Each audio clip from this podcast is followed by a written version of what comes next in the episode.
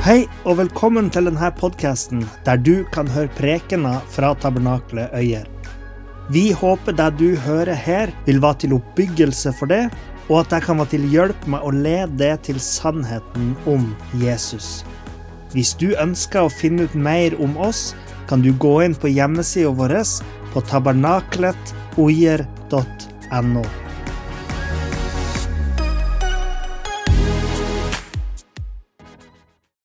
Nådens og sannhetens ånd som har tatt bolig i mitt hjerte, eh, hjelper meg å vokse i troen og og vokse inn i et fullkomment liv. Ok? Så jeg sier ikke at det er fullkomment, men eh, jeg sier at jeg har fått en indre drivkraft i Den hellige ånd som driver meg mot det fullkomne. Lar meg vokse mot det som skal komme. Og nede i barnehagen eh, der har de hønseegg. De har en sånn inkubator med, med sånne befrukta hønseegg da, eh, som, eh, som, står nede. Og hver, hver, dag når vi kommer i barnehagen, til og med jeg syns det er litt spennende å se, har det kommet flere kyllinger i natt. ikke sant? For å bruke det bildet med inkubatoren så kan vi jo si på en måte at vi er som egg. Jeg og du er litt som egg. Jeg mener ikke det som en fornærmelse mot dere, bare som et bilde her, altså. um, og Den hellige ånd er som inkubatoren. sant? Alle mennesker er som egget, men Den hellige ånd er som den inkubatoren. Eller som hønemora, hvis man hadde hatt ei høne. Da. Men tingen er at bare hvis egget blir lagt inn i inkubatoren, eller bare hvis ei hønemor verper lenge på egget, vil det vokse fram liv inni der. Bare hvis det der skjer, så blir det liv inni der.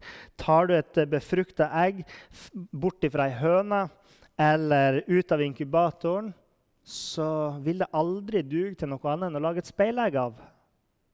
Eller jeg lagde omelett i dag av eggene mine. Det var godt. Det går òg an.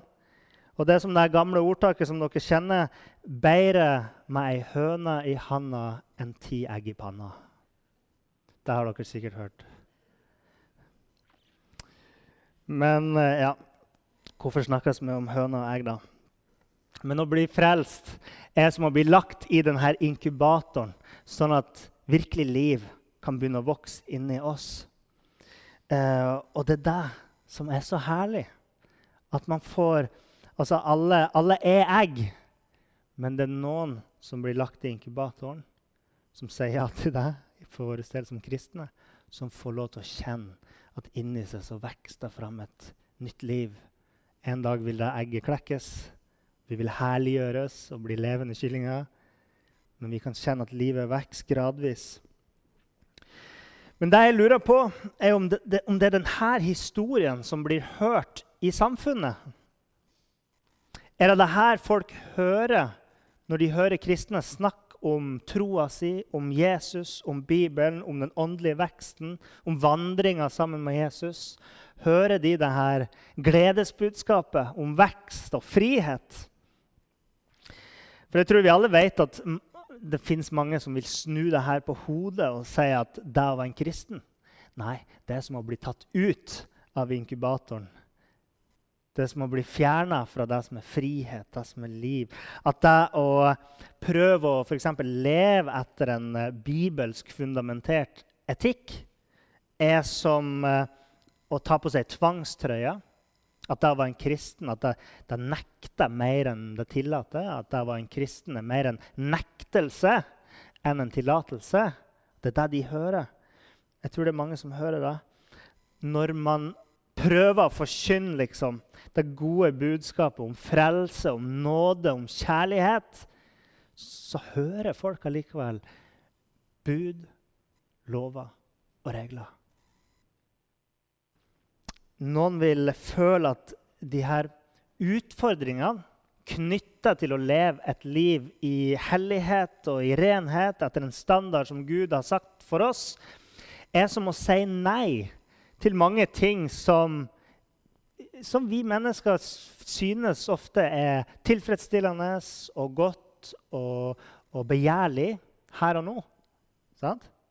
Noen ganger har vi lyst til å stjele godteri på butikken når man er barn, f.eks. Men det er jo ting som man har lyst til, som man da blir nekta. Eh, og, og, sånn hører folk det. Og jeg tror at delvis så kommer en sånn eh, forståelse av det kristne livet ofte når kristne samfunnsdebattanter eller samfunnsstemmer får oppmerksomhet i media. Eh, fordi da er det ofte at man er jo imot det ene eller det andre.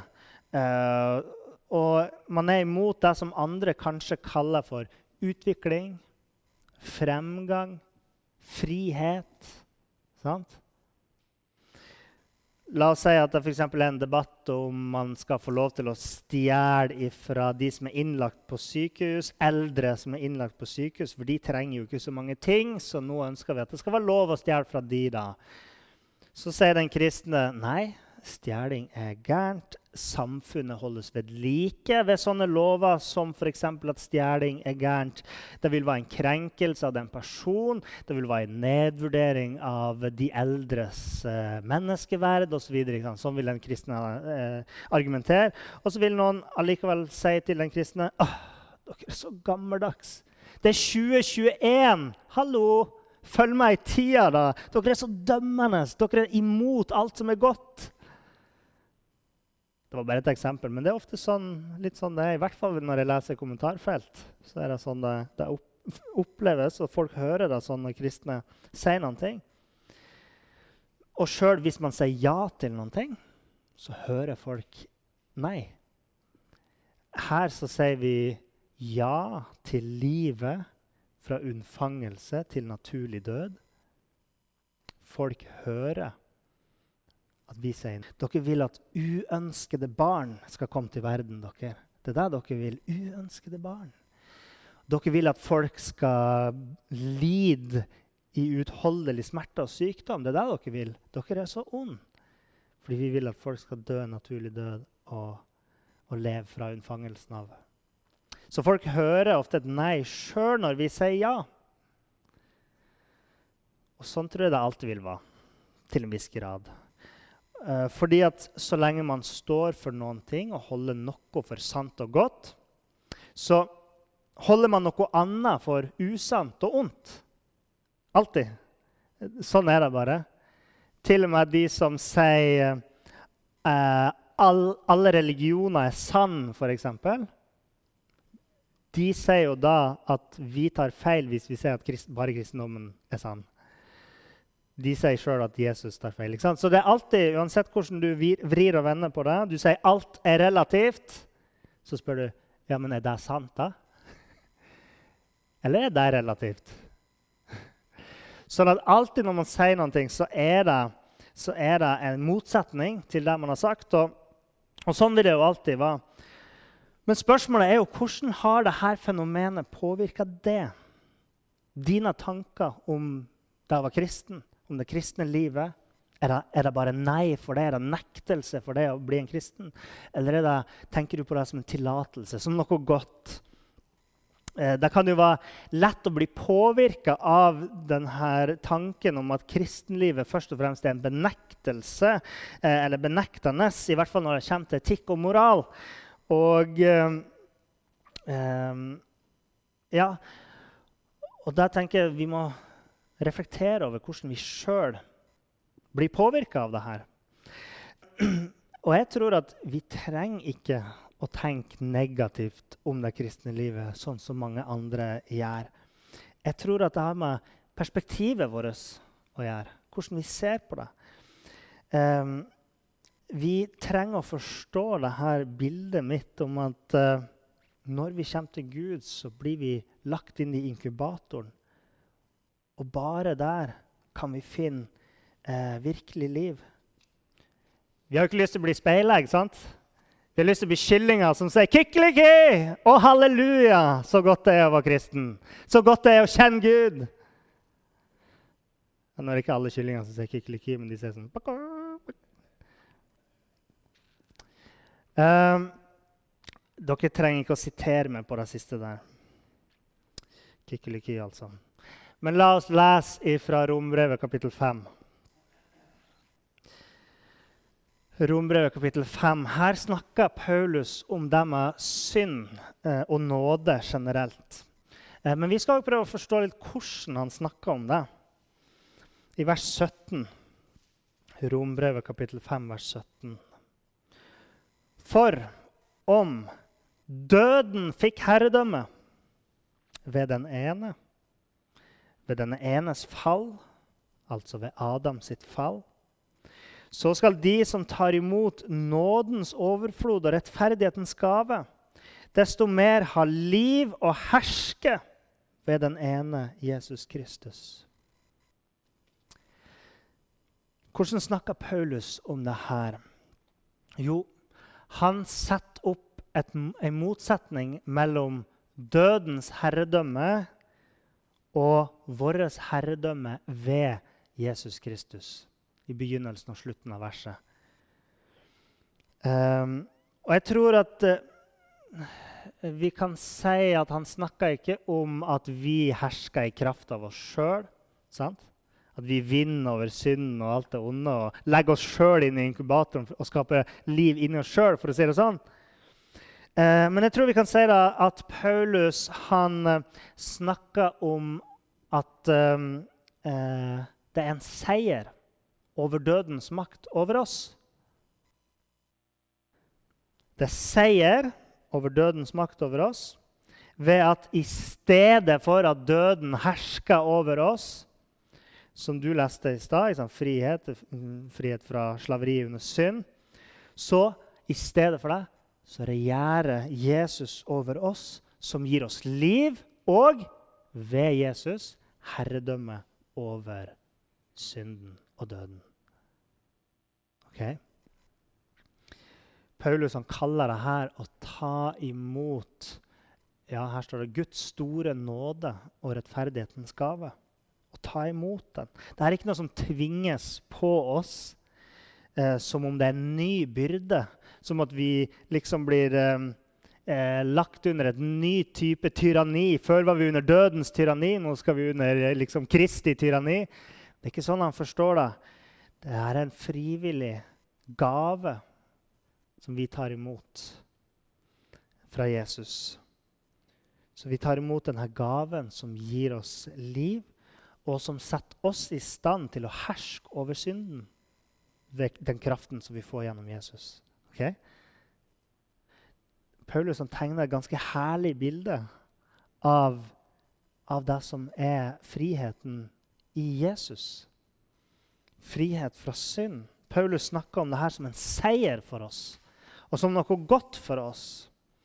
Og Han fortsetter i kapittel 6, eh, der vi igjen finner en sånn her type motsetning. I vers 12-14. La altså ikke synden herske i den dødelige kroppen deres, så dere følger kroppens lyster. Og still ikke lemmene deres til tjeneste for synden som våpen for urett men still dere selv og lemmene deres til tjeneste for Gud som våpen for det som er rett. For dere var døde, men er blitt levende. Synden skal ikke herske over dere, for dere står ikke under loven, men under nåden. Ser dere her, denne motsetninga mellom våpen for urett og våpen for det som er rett? Og før var det død, og nå er det liv. Som jeg sa i stad, så er det jo alltid sånn at så lenge man står for én ting og sier at denne tingen det er sant, det er godt, så vil du òg si at andre ting er usant og ondt. Uh, og um, Paulus sier at enten i vers 12, uh, 13 Enten så står du i tjeneste for synden som et våpen for urett. Eller så står du i tjeneste for den sanne Gud som et våpen for det som er rett. Du kan ikke ha begge delene. så fortsetter han i vers 16. Dere blir enten slaver under synden, og det fører til død, eller slaver under lydigheten, og det fører til rettferdighet. Men Gud være takk. Dere som før var syndens slaver, er nå av hjertet blitt lydige mot den lære som ble dere overgitt. Dere ble, nei, som dere ble overgitt til. Dere ble satt fri fra synden og er blitt slaver for det som er rett. Paulus han fremholder at det er en lære i vers 17. Eh, det er en, en lære som de har fått, som er sannheten.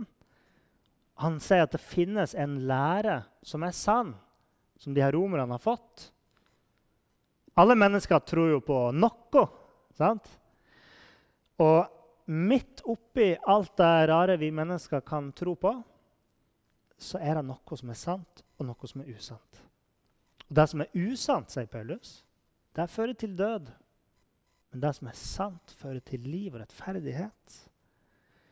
Hvorfor snakker Paulus om det her. Han vil få frem friheten vi har i Kristus. Og hvordan er det han snakker om det? Jo, han eh, sier at ved å være lydig mot Jesu lære, mot Jesu evangelium, så er vi fri.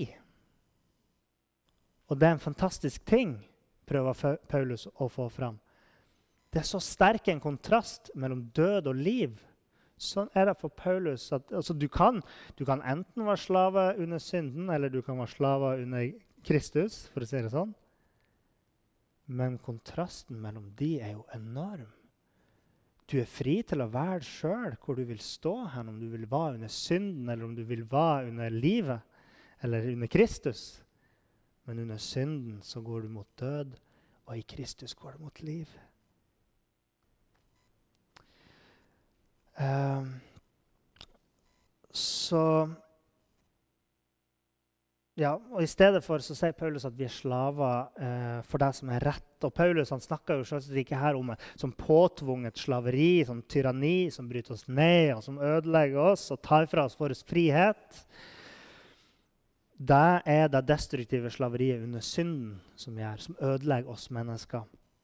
Men det her er, som vi så i kapittel 5, å frivillig underlegge seg Jesus for å oppleve sann frihet. Frihet fra synden, alt det som leder oss til død. Det er sann frihet når Jesus sier det til fariseerne at uh, hvis dere um, Ja, hva var det det sto for noe? Hvis dere um, Ja. Men han snakka om at man blir virkelig fri ved tro på han. i hvert fall. Jeg husker ikke ordrett hva som sto der. Um, og så les hva Paulus sier videre i vers 20-22. Den gang dere var slaver under synden, var dere fri fra det som er rett. Hva slags, hva slags frukt høstet dere da? Slik som dere nå skammer dere over, for det fører til død. Han gjentar seg her. De var jo sannelig fri når de var under synden òg. De var jo fri. Men de var fri fra det som var rett, fri fra det som var godt. Så de her kritiske stemmene som hevder at eh, der var en kristen, begrensa vår frihet Det er mange som sier at bli en kristen er jo å bli lovisk og alt det her. De har jo på én måte rett. Fordi det begrenser jo vår frihet på én måte hvis vi fornekter Jesus å leve akkurat som vi vil, så har vi én type frihet. Frihet fra det som er rett og godt. Og den friheten fører til døden. Men det finnes jo denne andre typen frihet. Hør hva som står i vers 22. Men nå er dere frigjort fra synden og er blitt tjenere for Gud. Og frukten er ikke død, men frukten er helliggjørelse. Og det fører til evig liv. Så hvilken type frihet vil vi ha? Den typen frihet som leder oss til død? For alle mennesker forstår at vi har en frihet som gjør at vi kan lede oss sjøl til uh, vår egen undergang. Hvordan skal vi bruke den friheten vi har? Jo, i Jesus så får vi en ny frihet som frir oss fra alt det som ødelegger oss som mennesker. Så alle mennesker har en fri vilje. De kan være det gjør akkurat som de vil. Men alle mennesker er ikke fri til å oppleve den åndelige veksten og utviklinga som fører til evig liv, for den får vi bare i, gjennom troen på Jesus. Ja, bra. Så for å bygge videre på det bildet mitt med eggene sant? Jeg så at dere var glad for å høre om egg. Så du har et egg, og det er mye man kan gjøre med egg. sant? I dag lagde jeg omelett, men du kan jo lage speilegg, eh, posjerte egg, kokt egg, bløtkokt, hardkokt. Eh, du kan eh, ha sylta egg, de glade borte i USA. Eh, bakte egg, eggesalat, eh, eggerøre, eggedosis. Masse man kan gjøre med egg. I går lagde jeg vaffelkaker med egg. sant? Det er jo så bra. Men sjøl om det er mange ting man kan gjøre med egget uten ei verpende hønemor eller en inkubator, så kan du aldri få levende, en levende kylling ut av egget. Sant? Når jeg var liten, så prøvde jeg å pakke inn et egg så godt og la det på, på badet, for der var det varmt. Det kom jo aldri noe kylling ut. Det var nok ikke befrukta heller, da. Så det hadde litt å si. Men, eh, men, du trenger et klima rundt egget som skaper vekst inni deg. Og som kristen så tror jeg at det er når vi kommer inn i Guds nærhet og mottar Den hellige ånd. Da vil Gud skape forandring inni oss, et nytt liv i oss. Så det noen kan si om det være en kristen, er at det hemmer oss som mennesker. Det er å si nei til så mye som gir oss nytelse, i hvert fall her og nå. Jeg mener, hvis du avler fram en kylling, ja, da får du aldri et speilegg ut av det egget. Da kan du aldri lage en omelett ut av det egget, for da har du en kylling inni der. Du kan ikke lage eggedosis med en kylling. Du kan prøve, men det blir kjøttdeig, altså. Alle standpunkt innebærer jo å si ja til noe og nei til noe annet. Man må velge om man vil man ha et speilegg eller vil du ha en kylling, så blir det høna som gir det 1000 egg til. Sant? Du må velge det å si ja til én ting eller si nei, å si nei til noe annet. Det som setter ting i perspektiv, da, må jo være hva det er som sies nei til, hva det er som sies ja til, og liksom forholdet mellom dem. Er den ene mye bedre enn den andre? Hvor mye bedre er det man får, enn det man ikke får? Eh, er det bedre med ei høne som gir deg 1000 omeletter fordi den legger egg? Eller er det bedre å ha ett egg og lage en bitte liten omelett? Sant? Man må vel ta en avgjørelse der. Og Bildet Bibelen gir oss, og det vi har lest fra Paulus, er at det er noe som er sant, noe som er sunt, noe som er usunt, urett og, og ødeleggende. Det er noe som fører til død, og noe som fører til liv. Og Bibelen oppfordrer oss selvsagt til å være det som fører til liv. Og tilbyr oss gaven som gjør at vi kan være våpen for det som er rett. Så den skaper noe i oss. Evnen til å motstå det syndige. Evnen til å motstå det, ødelagte. Evnen til å reparere oss som mennesker. Komme tilbake til den helheten vi ble skapt for. Og vi bør vektlegge friheten vi har i Kristus. Der burde vi legge vår vekt og vårt trykk. Friheten i Kristus. Sånn som jeg begynte her. Er det ikke godt å være frelst? sant? Der burde trykket ligge. Ikke vektlegg friheten vi mista, og savn friheten vi hadde da vi var under synden. Sant? Åh, jeg skulle ønske jeg ikke var kristen, fordi da kunne, da kunne jeg bare ha skilt meg og funnet meg en ny dame. Sant? Nei, det er jo galskap. Det er ødeleggende. Nei, vi gleder oss i den friheten vi har nå. Fordi nå så styrker Gud oss til å si 'Jeg er så glad for at jeg er gift med Kjersti'. Sant? Der ligger vekta. Jeg ser ikke tilbake for det jeg kunne ha hatt hvis jeg hadde vært en slave under synden. Evnen til å motstå det syndige. Og vi bør vektlegge friheten vi har i Kristus. For det er godt. Det er rett og sant. Så vårt perspektiv på dette bør ikke være at vi sier sånn her Ja, du kan være kristen, men da må du ikke. Men i stedet for, og det er en liten forskjell, men i stedet for kan vi si ja, du kan være en kristen. Og da kan du Sant? Det er åpna for mange muligheter når du kommer til troen, som du ikke hadde før. Det er ikke at den stenger, men den åpner for noe nytt og, og spennende og godt. Det er som Barat sa, renselsen fjerner hindringene for vekst i åndslivet. Renselsen fjerner hindringene for vekst i åndslivet. Vi kommer til Jesus og får vi en renselse som setter oss i stand til å leve et rent og hellig liv. Det er det Barat mener. Og nå er jeg ikke så gammel, men uh, jeg har jo skjønt at det er noen ting i livet som er enklere enn andre ting. Det er enkelt å synde. Det er enkelt. Det greier vi alle.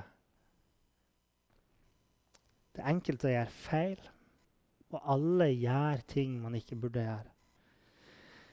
Det som er vanskelig i livet, er å se hva som er rett og gærent og, og gjøre det som er rett. Det er det som er vanskelig. Synden er enkel. Men det som er vanskelig, er å se sannheten og leve etter den. Og det er her Jesus kommer inn. Han tilbyr deg ikke det samme gamle, enkle syndelivet som du har hatt før. Men han tilbyr deg noe du aldri før har hatt. Liv, ikke død. Gaven til å herske over synden framfor å være en slave under synden. Det er historien vi vil fortelle. Noen vil alltid misforstå den. Men la oss vektlegge det gode, det rette. Eh, livet man har fått i Den hellige ånd fra Gud ved Jesus Kristus. Jeg ønsker og håper at det er historien folk vil høre når vi forteller om hvem vi er i Kristus.